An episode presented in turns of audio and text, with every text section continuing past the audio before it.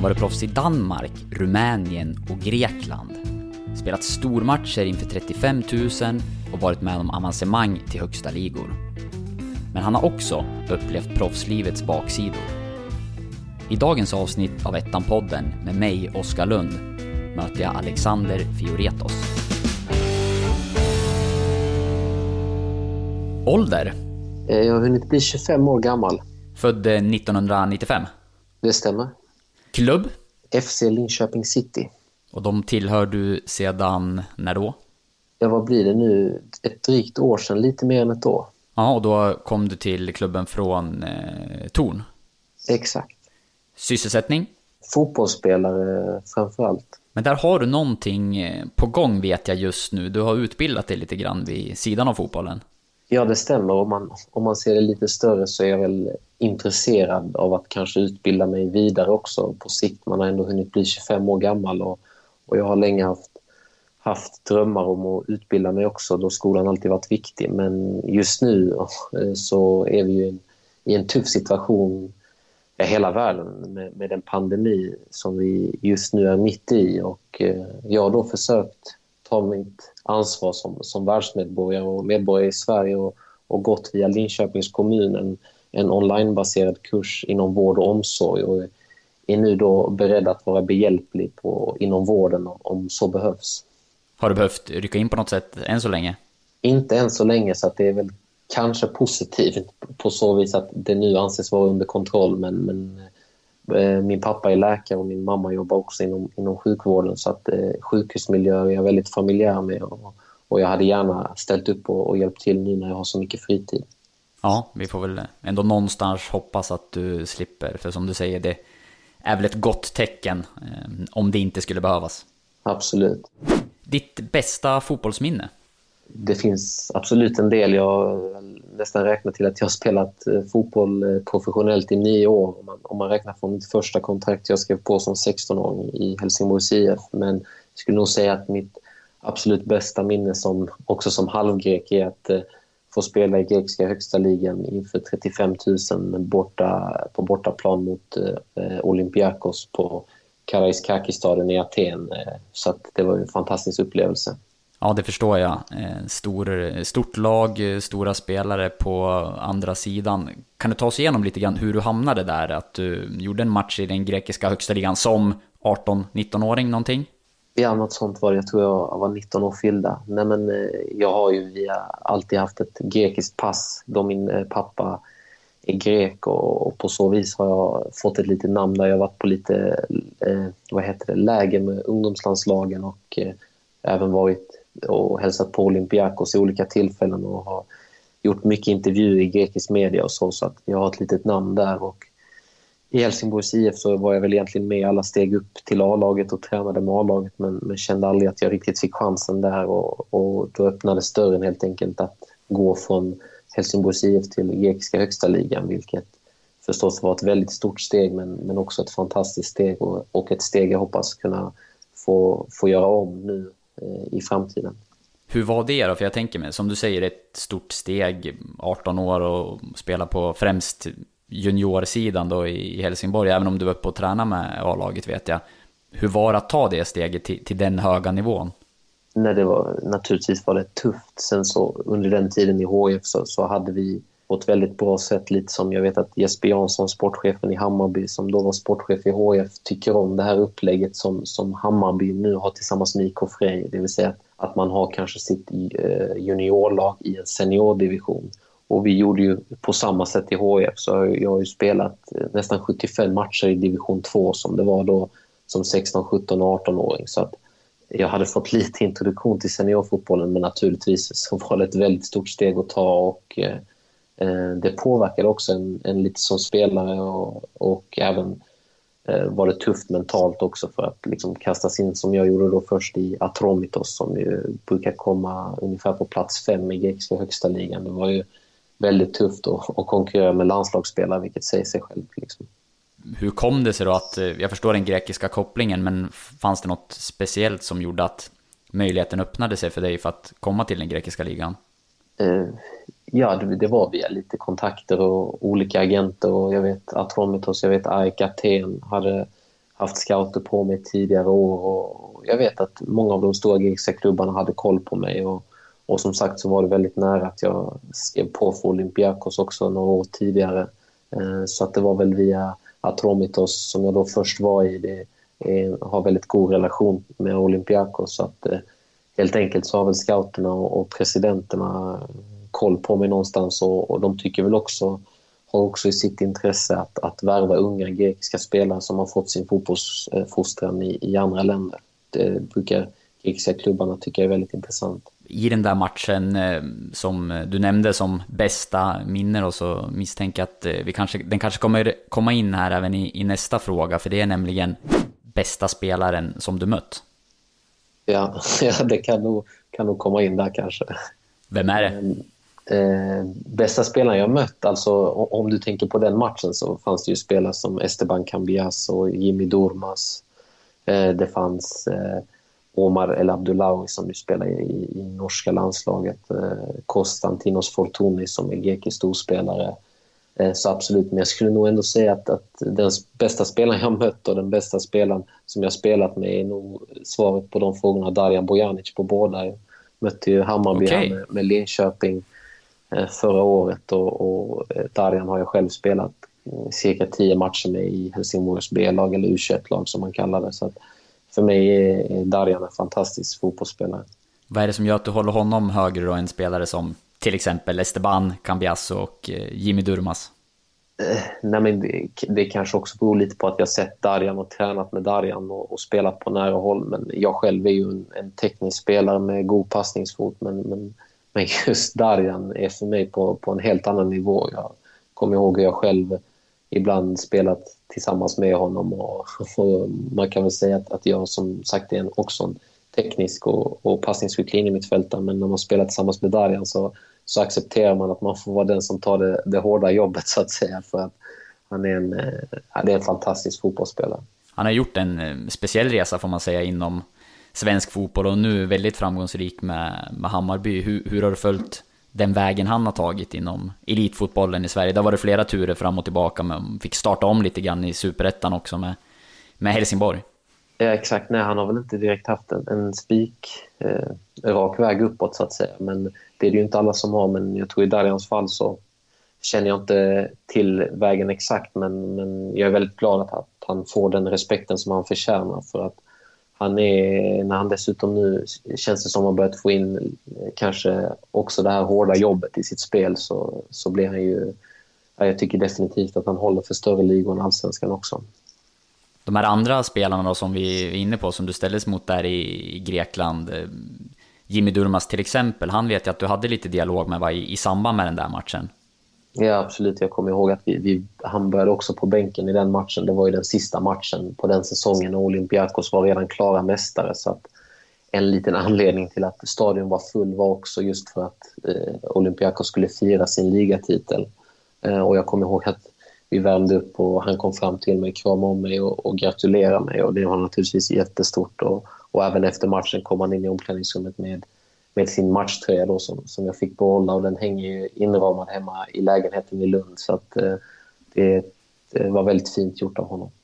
Hur är supporterkulturen då skulle du säga i Grekland? För det är ju någonting som åtminstone jag associerar med fotbollen där, att det är väldigt passionerat och ja, jag har suttit och youtubat klipp med supportrar till Olympiakos och Panathinaikos som du säger. Det, det är ofta högljutt på läktarplats där. Ja, det är det. det är, de svenska fansen är också jättebra, men jag skulle nästan säga att Grekland håller lite högre nivå. Jag kan nämna en sån enkel sak som att första gången jag var nere och tränade med Olympiakos, då var jag väl 16 år gammal.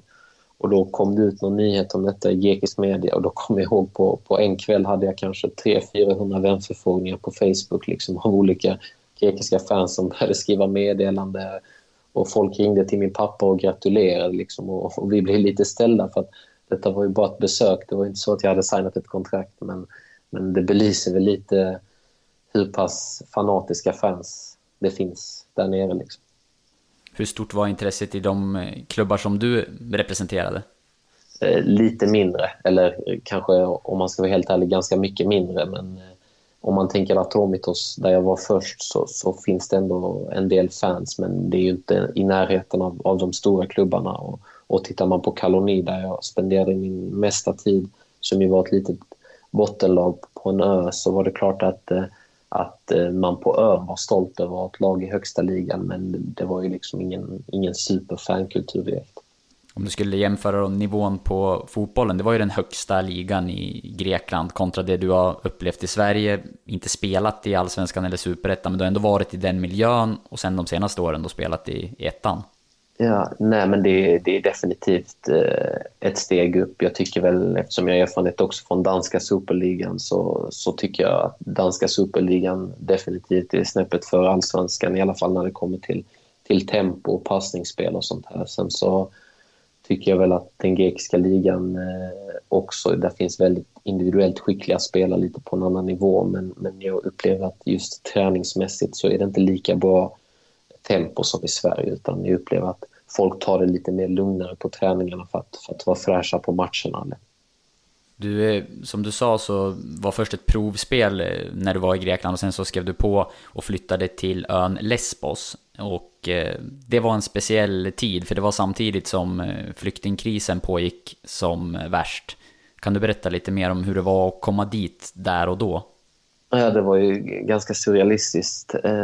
Det var ju då jag befann mig ungefär två månader i Atromitos men som sagt jag var ung utan så mycket erfarenhet så att de gav mig rådet att gå vidare till Kaloni då i grekiska högsta ligan som, som var ett bottenlag för att få spela helt enkelt. Eh, och jag kommer ihåg att jag blev hämtad på, på den lilla flygplatsen på ön Lesbos då av eh, sportchefen i klubben i en liten bil och, och, vi började köra längs kusten då och direkt efter ungefär fem minuter så ser man den första flyktingbåten gå i land liksom med, eh, då stod det på stranden folk från Röda Korset och så här och väntade och, och det var ju verkligen jag hade ju bara sett den här typen av inslag tidigare på Rapport och Aktuellt och så här men, men det var väldigt slående och, och väldigt tag, eh, jag blev väldigt tagen av det att, att liksom det är på riktigt. Eh, så att, eh, det var väldigt tufft att se. Ja, hur, hur känner man där och då? Jag kan bara föreställa mig att eh, ja, måste vara obehagligt, otäckt, eh, jobbigt att se. Ja, det, det, det är väldigt jobbigt att se för att man, någonstans så, så kan inte en vanlig medborgare rå för att det blir krig i ett land liksom, om man tvingas fly. Man kan ju själv tänka om, om samma sak hade hänt i Sverige om man tvingas fly med, med sina syskon och sina föräldrar och, och ger upp allt det man har. Det, det är nog ingenting som en människa vill göra, frivilligt i alla fall. Eh, så det var tufft och, och jag upplevde även e- efter ett tag att det var lite jobbigt. Jag försökte hjälpa till och, och köpa mat och åkte till... Eh, det, det fanns, fanns, ett stort flyktingläger på ön där jag försökte dela ut lite fotbollar och, och sånt här för att skänka någon glädje. Men det var ganska frustrerande att känna att, att man inte själv hade möjlighet att hjälpa alla. Eh, och det blir då liksom, låt oss säga att man har varit och köpt lite mat, vem ska man dela ut det till? Och det kom en massa frågeställningar som var tuffa att hantera. Ja, det där kan man känna igen sig Det tror jag många kan göra, att eh, man är privilegierad och kanske då växer upp i Sverige till exempel och så man vill hjälpa till och, och du levde någonstans mitt i det där som ja, privilegierad och välbetald fotbollsspelare. Hur, hur hanterade du det, den delen? Det var ju också, också tufft. Även fast jag såklart hade haft helt okej okay kontrakt i HF så var väl det här första gången som jag tjänade pengar på riktigt så att säga. Eh, så det var klart att, att det var lite svårt när man satt med... Vi hade en del serber, en del brassar, en del argentinare. Och, och sitter man med dem då handlar det snarare om vilken klocka man ska köpa och vilken bil man ska ha. Och, och liksom vilken necessär från vilket, eh, från vilket fashionabelt märke man ska ha. Och så samtidigt som det så ser man folk som knappt har mat och klarar sig för dagen. Så att, eh, det var naturligtvis väldigt tufft. Ja, jag förstår det. Hur, hur var livet annars då under den eh, sessionen som du hade i den grekiska högsta ligan? Nej, det var, ju, det var väldigt kul för mig. Jag, jag eh, kunde ju språket sen tidigare men, men, jag utvecklade mig språkligt väldigt mycket. Det var också, kan man säga, första gången jag bodde långt hemifrån, från vänner, från familj. Eh, så att eh, det är klart att det, det, var många tuffa stunder men det är också en tid som, som jag är väldigt stolt över och jag vet att oavsett hur det går här framöver så, så har jag det med mig i, i bagaget. Jag har ändå lyckats att nå grekiska högsta ligan vilket för mig som halvgrek alltid varit en stor dröm. Ny säsong av Robinson på TV4 Play. Hetta, storm, hunger. Det har hela tiden varit en kamp.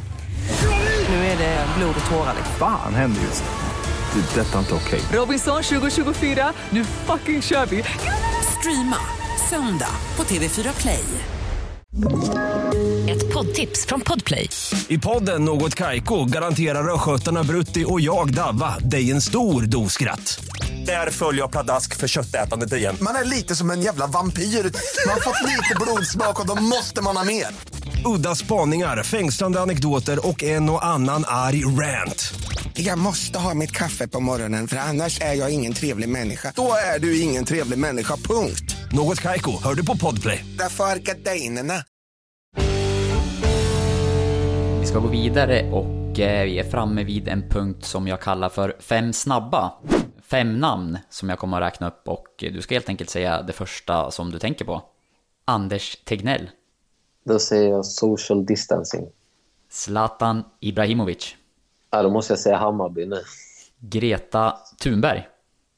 Fantastisk förebild. Donald Trump. Idiot är det första jag tänker på. Angelos Charisteas. En legend. Ja, storspelare inom grekisk fotboll. Eh, Du får berätta vad det framförallt är som han eh, har gjort. Nej, Charisteas var ju en fantastisk målskytt. Eh, och han är ju idag eh, sportchef i Aris Thessaloniki där vi har ju Daniel Sundgren och Daniel Larsson. Eh, men framförallt så är det väl som på det sättet han gjorde, jag kommer ihåg EM 2004 när han var den stora målskytten och stora hjälten när Grekland lyckades ta ett EM-guld. Då jag faktiskt befann mig på semester i Grekland och det, det var fantastisk stämning och också en fantastisk upplevelse. Hur eh, var dina känslor då? Född och uppvuxen i Sverige väl, men med starka kopplingar till Grekland då med tanke på din pappa? Nej, jag, jag känner mig ju nog för, först och främst svensk om man ändå säger, men, men i fotbollssammanhang så har Grekland alltid stått mig nära. Så att, eh, det var ju, man kan väl säga att när Sverige åkte ut det mästerskapet så, så var det Grekland jag höll på. Jag kommer även ihåg Sverige där med både Henrik Larsson och Erik Edman som jag båda har haft som tränare i Helsingborgs IF. Så att det är på något sätt kul och även i Grekland då Trajanos Dellas, den gamla storbacken, han var ju min tränare i Atromitos. Så att, eh, det är lite spännande på något sätt att man satt där som nioåring på, på torg i Grekland i en liten by och såg dem spela och att man sen får komma i kontakt med dem. Det är väl också någonting man, man är lite stolt över. Ja, Henrik Larsson som du säger har du kommit eh, stött på då, bland annat. Hur, eh, hur var han att jobba nära? Ja, nej, just med Henke var jag inte jätte, jätte mycket uppe i A-laget och tränade med, men jag var ju en del och, och jag upplevde att det var en mycket duktig tränare och liksom, som, som eh, hans fotbollskunnande i sig går ju verkligen inte att ifrågasätta den karriären han har haft. Det är ju ja, det är bara att buga och bocka alltså. Det är en fantastisk spelare. Ja, det är många stora fotbollspersonligheter som du har fått eh, stöta på under karriären så långt, men jag är lite nyfiken på vilken person som betytt mest i din fotbollskarriär så långt det får jag nog ändå säga, det är min familj, men kanske om jag ska välja en ur familjen så är det nog min pappa som, som har betytt mest för att eh, han har alltid funnits där och, och stöttat mig och han är en väldigt hårt arbetande man. Han är läkare och, och bedriver även företag inom läkemedelsbranschen bredvid och, så att han har redan som det ser ut väldigt mycket att göra men, men han har alltid ställt upp för mig och, och hjälpt till på, på det sätt han kan så att det får jag säga att det är min pappa i sådana fall. Vad är hans eh, fotbollsbakgrund, om det finns någon? Eh, han har spelat lite fotboll. Han eh, växte ju faktiskt upp i Sverige av grekiska föräldrar. Så att han har spelat i Örebro SKs ungdomslag och även varit med på lite så här stadslagsuttagningar och, och någon samling. Så, här. så att, eh, han säger i alla fall att han var ganska talangfull. Men jag kommer, ihåg, kommer väl, väl ihåg att när jag hade gjort min debut i Grekland då, då kom han fram till mig och sa att nu har du i alla fall nått längre än vad jag gjorde. Så att, eh, det var väl kanske ett litet erkännande. Ja, bättre än pappa, det är, det är aldrig fel. Nej, det är inte fel. En märklig händelse som du varit med om under din fotbollskarriär. Någonting säger mig att det finns en hel del här. Jag har ju intervjuat dig tidigare också och har lite koll på vart du har varit och sådär. Och det är ju några klubbar som sticker ut till exempel. Ja, nej, men det finns ju, det finns ju alltså många olika. Jag säger ibland till, till mina vänner att jag borde skriva en bok, men då kontrar de lite, lite speedigt att eh, vem skulle läsa den liksom. Men de kanske har rätt, men lite taskigt. Men det kanske de har rätt i. Men jag har upplevt väldigt mycket att spela i den rumänska högsta ligan och, och den grekiska och den danska. Det är ju faktiskt, om man ska vara ärlig, väldigt få svenska spelare som får göra det. Även om de har kanske en allsvensk karriär i tio år så är det väldigt få spelare som får, får komma ut på den nivån och visa sig. Eh, så att det finns ju många historier. Jag brukar ju bland annat berätta, vilket jag har nämnt för dig tidigare också, att i Rumänien var ju väldigt speciellt. Där kunde presidenten, vi hade en väldigt stark president i, i det laget, så att, eh, han kunde ju komma in då efter, efter vi hade vunnit med, med en stor väska med olika kuvert där spelarna fick pengar helt enkelt efter vinster och, och förlorade vi så kom han in och skällde på oss alla och vi var liksom inte värd mer än vatten och bröd. Så det är ganska roliga kontraster mellan att du inom fotbollsvärlden kan vara den absolut största kungen på lördagen och, och nästkommande lördag så, så är du inte värd någonting. Nej, du är inne på Rumänien. Vi ska säga det att eh, efter tiden i Grekland så gick du till eh, den danska motsvarigheten till Superettan. Var med och spelade upp Helsingör till eh, högsta ligan i Danmark och sen gick du vidare till den rumänska ligan den tiden där är jag rätt så nyfiken på. Vi ska prata lite Danmark också, men eh, hur var det att spela i den rumänska högsta ligan? Nej, det var också, det var ju väldigt bra. Jag, som sagt, utan att gå in för mycket så, så hade jag en väldigt bra tid i, i danska superettan där, där jag gjorde, då var jag var 21-22 och gjorde väl, om man räknar med kuppen kanske 17-18 matcher det året då vi spelade oss upp till danska högsta ligan, vilket var fantastiskt, men i, i danska högsta ligan fick jag inte lika mycket speltid. De tog in bland annat Patrik Olsen som var dansk spelare i Inter, som nu spelar i Ålborg och Vito Hammarshöj Mistrati som spelar i Randers i danska högsta ligan. Så det var väldigt tuff konkurrens. Eh, vilket gjorde då att, att den rumänska klubben där var också en sportchef som hade haft koll på mig innan. Han hade tidigare arbetat som scout för Shakhtar Donetsk. Så att, eh, det var via honom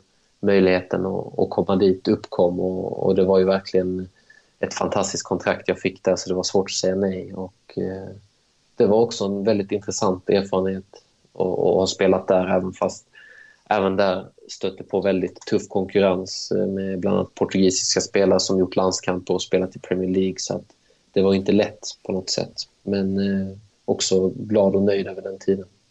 Hur skilde det sig åt om du jämför med, eh, känt på högsta ligan i Grekland, högsta ligan i Danmark och så kom du till högsta ligan i Rumänien. Vad sticker ut med de här ligorna om man skulle lyfta fram någonting?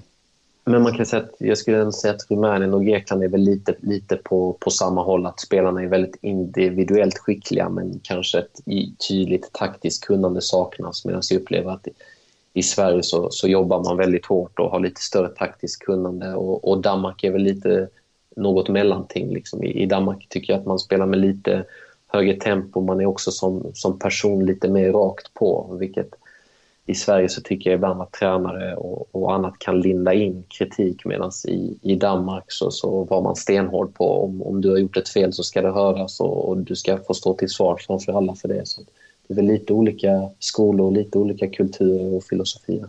Har du varit med om någon sån riktig klassisk eh, hårtork som man brukar prata om? Jag, jag kommer ihåg, var med precis när jag hade kommit till Kaloni då som, som 19-åring så kommer jag ihåg att vi, vi körde ett, eh, ett inläggs. Jag kommer ihåg att jag var lite nervös, fick ut någon boll på, på kanten då jag skulle slå inlägg till två anfallare. Jag kommer ihåg första inlägget slog jag väldigt dåligt och då stoppade tränaren han blåste i sin visselpipa, stoppade och sprang ut till mig så han liksom stod fem centimeter från, från mitt ansikte och bara liksom... Jag skrek allt möjligt, att jag var en jävla junior, att jag var en skam för Grekland för jag inte kunde språket. Och, ja. Så det var ju, kan man säga, ett, ett varmt välkomnande till det landet. Så att, efter man har varit med om en, om en sån sak som naturligtvis då var väldigt jobbigt så, så, så är det inte så mycket som är jobbigt längre. För att eh, man har lärt sig att hantera den typen av saker. Men hur hanterar man det? Jag, man ska försöka sätta sig in i en sån situation att man kommer helt ny, Eh, känner press och stress och vill verkligen leverera och så istället för stöd så får man eh, någonting sånt. Hur, hur hanterade du det där och då? Hur mådde du? Nej, alltså om man ska vara ärlig så mådde jag i perioder väldigt dåligt. Eh, vilket jag också har gjort och, och liksom försökt vara öppen med för både vänner och familj och, och alla runt omkring. Liksom att, eh, det är definitivt ingen dans på rosor. Och, och jag menar som, som fotbollsspelare, som en machokille utifrån så, så ska man klara allt men eh, det är inte alltid lätt. Och, och jag vet många spelare som spelar på väldigt hög nivå, mycket högre nivå än vad jag gör, som jag känner väl, som, som också ställs inför, inför tuffa saker liksom, och, och i långa perioder inte mår bra. Så jag tycker att liksom, alla den typen av initiativ som till exempel Rickard Magyar i, i Hammarby har kommit med och, och andra spelare också. Simon Tern som var ute. Alltså det, det är fantastiskt när den typen av, av, stora spelare vågar gå ut och, och berätta om psykisk ohälsa. För att eh, jag har själv varit med om det och, och, jag vet att väldigt många är med om det utan att kanske våga säga ifrån. Känslan är ju som du är inne på att det pratas eh, lite mer om det idag än vad det har gjort tidigare. Hur yttrade det sig för dig när du mådde dåligt? Eh, nej, men jag tror att jag försökte söka, söka väldigt mycket stöd i, genom att samtala om det. Jag har ändå alltid haft fördelen att jag varit ganska öppen med det, vilket har gjort att jag mycket med mina vänner och, och med min familj, min mamma och pappa och, och, mina syskon har kunnat tala om det. Eh, för att det är en väldigt tuff, eh, konkurrensutsatt eh, bransch, elitfotbollen, och, och det kanske till och med ställs ytterligare på sin spets utomlands. för att där är det lite äta eller äta. Så, och jag tycker väl också i många fall att, att jag hade till en början svårt att acceptera att det var orättvist. Liksom. Och jag kände att om jag var bäst spelare på träningen så skulle jag spela. Men sen lär man sig att förstå att det handlar om vad har spelaren för kontrakt? Vad har den för relation till tränaren sen innan? Är agenter inblandade? Alltså det, det är så mycket politik inom fotbollen och, och, och, när man väl lär sig att förstå det så, så tyckte jag att det hjälpte mig mycket mycket med att hantera mitt psyke. Att, att liksom ställa mig in på att jag kan bara göra det jag ska. Jag kan inte påverka de andra sakerna. Eh, så det är väl en sån sak som, som har stärkt mig ytterligare. Nästa fråga i faktarutan hör faktiskt till det här ämnet. Så då får vi gå in kanske lite mer på vilken tidsperiod det handlade om. För frågan lyder, då mådde du som sämst? Eh, jag har nog lite, jag kommer ihåg ett tag i Grekland tyckte jag, tyckte jag det var jobbigt precis när jag hade signat med Kalonin då jag blev lovad att spela alla tio matcher som återstår av ligan. Jag blev lovad det samtidigt som jag skrev på kontraktet för annars hade jag nog inte gått dit utan då hade jag nog stannat i Atromitos. Och att sen känna att vecka efter vecka så var jag inte ens med i matchtruppen. Eh, utan jag var ju egentligen bara med de sista tre, fyra matcherna i matchtruppen och sen fick hoppa in den sista. Eh, då kommer jag ihåg att det var, då var jag ganska vilket säger sig självt. Jag var 19 år, jag var nybörjare hur det fungerar inom elitfotbollen så att det var naturligtvis tufft. Eh, sen så tyckte jag även att, att min tid i Rumänien var ganska tuff för att där blev jag också lovad såklart saker så, som inte riktigt hölls. Och, och då bodde jag också på ett, på ett visserligen jättefint hotell men jag bodde på hotell eh, i ett land där jag inte hade möjlighet att, att träffa någon alls jag känner. Så att, eh, jag skulle säga att delvis en tid i Grekland, men annars så var det nog som värst sista tiden i Rumänien. De här sakerna då som inte, eller som lovas men som inte riktigt eh, hålls, eh, levs upp till från klubbarnas sida och misstänka, vad kan det handla om till exempel? Nej men det kan ju, alltså om man ser rent konkret så har det väl i mitt fall handlat om att de liksom lovar guld och gröna skogar och, och, och lovar till speltid. För att det är klart att om man tittar på mitt fotbolls-CV så kan man lätt tänka att Eh, jag har bara gått efter de stora klubbarna och de stora kontrakten, vilket, vilket absolut delvis kanske stämmer, men jag har ju aldrig skrivit på ett kontrakt där de har, har sagt att de bara ser mig som en utfyllnadsspelare, utan det har alltid funnits så och sen vad det beror på är väldigt svårt. Jag har naturligtvis försökt under perioder vara väldigt självkritisk och, och liksom sagt, håller jag verkligen nivån? Och andra har undrat, håller du verkligen nivån? Men ändå landat i att jag har gjort väldigt bra matcher. Jag har blivit man av the match mot Malmö FF, Horsens i danska högsta ligan. Jag har gjort väldigt mycket bra matcher också, vilket gör att jag vet att jag håller nivån. Så det handlar väl om, om, om, saker som jag sa tidigare, som är alltifrån att en spelare ska ha erfarenhet till relation till tränaren, till det politiska spelet, till det ekonomiska. Så det finns väl många olika aspekter i det hela. Om du tittar tillbaka och tänker på de här klubbvalen som du har gjort, för det är ju stora klubbar i på hög nivå så att säga. Du gick direkt från Eh, ungdomsfotboll mer eller mindre och i Helsingborg till att spela i den grekiska högsta ligan, Danmark, Rumänien. Hur tänker du kring de vanor som du gjort nu i efterhand? Nej, men jag, jag skulle inte säga så här att jag ångrar mig, men jag kan ju absolut se se det positiva i att kanske bygga lite mer långsamt. För att man får tänka på, på så vis att som du säger, jag kom, jag hade gjort väl en 70 matcher i division 2 senior men var ju fortfarande väldigt ung.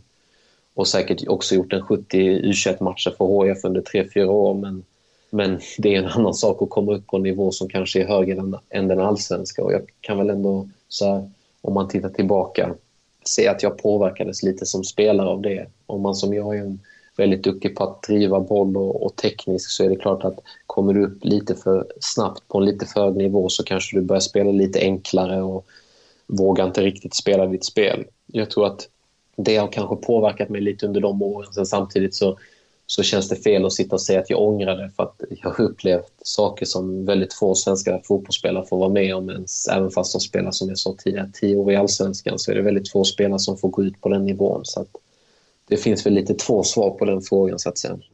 Vi går vidare i faktarutan och då undrar jag när du mådde som bäst? Nej, men jag skulle nog säga faktiskt kanske om man tittar överlag så skulle jag säga kanske förra året i Linköping när jag var lagkapten under stor, stora delar av säsongen och, och framförallt på hösten spelade på en väldigt hög nivå som, som gjorde att många andra klubbar visade stort intresse. Och, och tittar man utanför fotbollen så, så fick jag bo tillsammans med min flickvän och, som studerar i Linköping. Och, ändå ganska relativt nära två och en halv timme hem till familjen i Lund. Så att, eh, jag skulle nog säga att liksom, som människa så mådde jag nog absolut bäst under, under min tid här i Linköping. Och du är kvar i Linköping nu, spelar i ettan. Det gjorde du, har du gjort de senaste säsongerna. För efter tiden i Rumänien så återvände du till Sverige och det blev spel i ettan. Inte med Linköping då, utan med Torn. Men kan du berätta, vad var det som gjorde att det blev eh, division 1 då? För det några hack ner får man säga från den rumänska högsta ligan. Absolut och, och det var ju väldigt, alltså det var väldigt mycket betänketid. Jag kommer ihåg liksom, när jag valde Torn så hade jag anbud från schweiziska ligan, jag hade från, från grekiska andra ligan och så här. Men det var lite som vi talade om tidigare, jag, jag mådde inte så jättebra i Rumänien och, och kände verkligen att jag var tvungen att komma hem och, och komma hem det till Lund. Och, och vid det tillfället så låg ju faktiskt Torn om jag inte missminner mig, etta eller tvåa i, i ettan södra. Så, så för mig att, att komma hem dit, jag bröt ju mitt kontrakt i Rumänien så att de köpte ut mig från mitt kontrakt. Så att det hade ju också att göra lite med, med att jag skulle gå till en klubb på, på amatörnivå så att säga i Rumänien räknat. Eh, som, eh, vilket gjorde att det just blev Torn eh, eftersom det ligger ju väldigt nära Lund. Eh, så det var väl det Dessutom så, så tycker jag att Torn är en fantastisk förening och, och tränaren där som heter Kalle Ringhov är också en fantastisk människa som var, som var väldigt schysst med mig liksom och, och lät mig ta den tiden och lät mig komma dit och träna så att det är jag väldigt glad för så här i efterhand. Att det har blivit kvar i ettan nu då, med tanke på ditt CV som ju innehåller, som vi har varit inne på, spel i högsta ligor och eh, klubbar på en högre nivå. Har det varit nära att eh, du har hamnat i en svensk elitklubb, superettan eller allsvenskan? Ja, det har varit jättenära. Eh, jag var ju nu efter säsongen ett tag i Norge i, i olika klubbar och, och, jag har haft väldigt mycket intresse. Men, men jag känner väl framförallt att, att jag nu när jag äntligen har fått börja spela och, och få en stor roll så är jag väldigt kräsen med, med vad jag väljer. Eh, så att man kan väl säga så här utan att säga för mycket att om jag hade accepterat och kanske mer var en utfyllnadsspelare i ett lag så, så hade jag absolut kunnat spela på högre nivå. Eh, men som jag sa så, så vill jag verkligen komma till ett lag där, där det känns som att jag kan få mycket speltid. Eh, men naturligtvis är målet och, och så snabbt som möjligt att nå allsvenskan. Ja, jag misstänker det. Nu har det varit några år på division 1-nivå kontra de avtal som du haft tidigare med, i Danmark, Rumänien, Grekland. Eh, där man såklart lever på, på fotbollen och spelar på högsta elitnivå. Så verkligheten i ettan är ju en annan.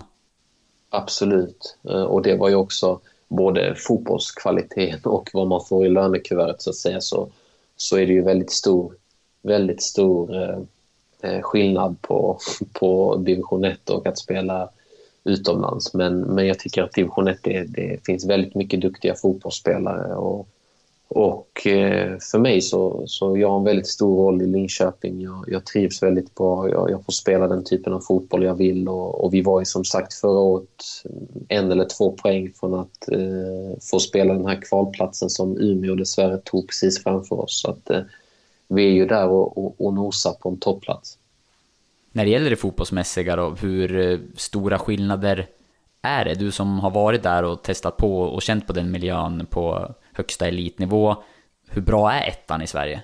Eh, nej, men sagt med all respekt, etta, ettan, ettan är bra men, men det finns väldigt stora skillnader skulle jag säga. Och I ettan så upplever jag att det finns väldigt mycket duktiga individuella typer av spelare och, och ettan är väl lite av en utvecklingsserie och en uppvisningsserie. Alla krigar om att få kontrakt i superettan och allsvenskan vilket gör att att jag upplever att man spelar på ett lite mer själviskt sätt i division 1. Spelare tar bollen och, och driver och skjuter medan det är inte riktigt så det fungerar på högre nivå. På högre nivå släpper man bollen mycket på en, två touch och, och spelar en snabb fotboll vilket tyckte att jag hade lite problem med min första tid i Linköping. Just det här med att, att jag kanske spelade mycket på en, två touch men, men fick inte riktigt bollen tillbaka vilket gör att, att många kan då tänka att okej, okay, Alexander han har spelat där uppe men han har ju inte bollen så mycket och han driver inte så mycket medan jag sen under hösten verkligen tuffade till mig lite och, och drev mycket boll och, och, gjorde en del poäng men framförallt gjorde väldigt bra prestationer. Så att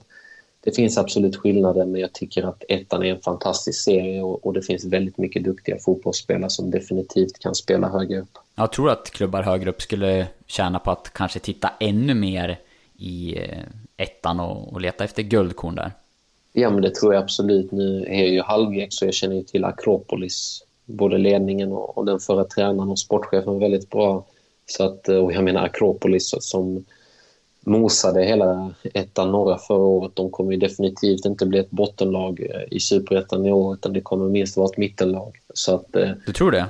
Det tror jag absolut. Det, det finns väldigt mycket duktiga fotbollsspelare där. Så att, eh, det är en, eh, en sån sak. Sen så tycker jag också att, eh, att eh, naturligtvis har klubbarna blivit bättre på att hålla ögonen på division 1. Men jag tycker nog så, som du var inne på lite att de till och med kanske kan bli ännu bättre. Mm, ett varningens finger då höjer vi kring Akropolis för toppkonkurrenterna kanske till och med i, i superettan. Har du några namn på spelare förresten i, i ettan som du tycker att klubbar högre upp borde titta lite på under den här säsongen när den nu sätter igång inom kort, förhoppningsvis. Ja, det får vi hoppas på. Nej, förutom mig själv, som jag tycker alla ska hålla koll på, så, så får man säga jag är väldigt... Nu gick han ju förresten från Linköping till AFC Eskilstuna i somras. Pontus Rödin, en ung kille som jag spelar tillsammans med. Det är kanske en av de bästa unga mittbackarna som jag någonsin sett i min karriär. Han kan bli fantastiskt duktig om man kollar vidare sen så, så har vi, vi har en del eh, duktiga spelare i Linköping också men, men annars så tycker jag väl det är svårt så här att, att lista ut. Det finns väl Ekin Bullot i Vasalund som jag kommer ihåg som gjorde mycket mål eh, förra året så han är väl definitivt en spelare som kan gå högre upp. Eh, även lyfta definitivt eh, ett finger för Mirza Halvajic som har gått från Mjällby nu till, till Lunds BK. Det är en eh, spelare som jag känner till sedan många år tillbaka som definitivt är en av de mest professionella spelarna jag känner till och, och det är en fantastisk spelare som hund till 100% kommer att spela högre upp en dag. Så att, eh, det är väl definitivt en spelare jag tycker att, att man ska kolla in. Ja, det är en kille som, precis som du dessutom varit på en hög nivå tidigare. Han tog eh, brons med Sveriges ungdomslandslag och har ja, varit på elitnivå med Malmö FF och IFK Norrköping där han tillhörde A-laget. Men startat om och eh, har väl säkert som du målsättningen att eh, klättra inom seriesystemet. Eh, för det är allsvenskan som är ditt mål. Definitivt, det är mitt första mål och, och det känns väl lite, lite trist i, om man ska se på mitt CV och på min samling fotbollsminnen så känns det väl lite trist att jag inte har gjort någon allsvensk match med tanke på, på den nivån jag varit på. Så, så det är väl definitivt ett minne jag har, eller ett mål jag har, förlåt. Vad är det som har gjort att eh, du inte har någon allsvensk match på, på CVt än då, känner du? Nej, det är väl lite, lite tur och tillfälligheter. Eh. Jag menar, jag var ju under en tid även lagkapten i HFs U21-lag och, och lagkapten i akademilaget så att jag var väl där uppe precis och, och halvt i närheten och, och sen efter det så, så valde jag väl där fyra, fem år att befinna mig utomlands vilket gjorde att, eh, att då var det inte så aktuellt med allsvenskan. Och, och lite där efter Rumänien-tiden så, så var det inte jättemycket svenska klubbar som visade intresse för mig heller eh, just då. Vad tror du det berodde på? Nej, just då. Jag vet tidigare när jag gick från Grekland till Rumänien så, så var jag nära någon allsvensk klubb och, och lite superettan-klubbar. Men sen så tror jag väl kanske lite då att då såg de att jag först hade ett halvår i, i danska högsta ligan utan så mycket speltid och sen även i Rumänien. Så när jag har talat med, med svenska allsvenska klubbar och så här så är det väl framförallt att man har varit lite ifrågasättande till varför jag inte haft så mycket speltid utomlands. Vilket har gjort att de har blivit lite lite rädda så att säga men, men eh, nu upplever jag efter den säsongen jag gjorde nu i Linköping så är det väldigt många klubbar som fått upp ögonen för mig igen och, och det är kul också och visar som mycket folk har sagt till mig tidigare hur viktigt det är med speltid. Vilket gör att verkligen, det höjer verkligen intresset för, för en själv som spelare. Ja, vi ska gå vidare till eh, faktiskt den sista frågan i faktarutan. Och den lyder, där ser du dig själv om fem år? om fem år då är jag 30. Nej, då hoppas jag verkligen eh, att eh, jag spelar i, i minst en allsvensk klubb. Det hade varit väldigt häftigt att, att få spela i, i kanske en av Stockholmsklubbarna eller liknande. Eh, och sen får man väl hoppas även på sikt kanske att man kan få, få gå utomlands en gång till. Det hade varit väldigt häftigt också. Stockholmsklubbarna säger du, är det det som är drömlagen i i Sverige. Det är inte en återkomst till Helsingborg. Nej, men det finns många, många fina lag eh, i hela Sverige. Men, men jag tycker väldigt mycket om Stockholm som stad. Jag skulle gärna vilja testa på att bo där. Så att, eh, och spela i något av de lagen hade inte varit helt fel. Nej, vi ska följa dig med eh, stort intresse.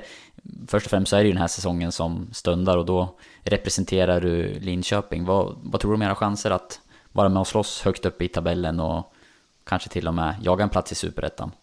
Nej, men jag tror de är, våra chanser är jättegoda. Nu får vi väl se lite hur det blir här med upplägget. Eh, vi har hört allt ifrån att vi kanske får börja där runt den 13-14 med, med ett väldigt tajt spelschema till att om det nu eventuellt skjuts upp en gång till att man kanske får gå för en enkel serie som ju känns lite mer slumpartad. Men om man bortser från det så tror jag definitivt vi har väldigt goda chanser. Vi har ett fantastiskt bra lag och som sagt, vi var ju väldigt nära förra året. Eh, så att jag tror starkt på oss. Om vi avslutar med att du då får måla upp ett drömscenario för fotbollssäsongen 2020. Hur ser det ut både för dig och för klubblaget? Nej, men jag tror väl att eh, drömmen först och främst är väl att allting sätter igång. Så att det är väl den första drömmen. Men eh, annars är det väl definitivt att, att ta upp Linköping till superettan och, och för mig själv att fortsätta få spela mycket och, och få fortsätta ha en stor roll och, och kanske även lägga till lite mer mål och assist på, eh, om man jämför med förra året. Då tror jag verkligen att, att både jag och klubben hjälper varandra uppåt på, på riktig elitnivå. Härligt, då säger vi stort lycka till och eh, tack för att du var med i Ettan-podden. Stort tack. Du har lyssnat på en podcast från Expressen. Ansvarig utgivare är Klas Granström. Ett poddtips från Podplay.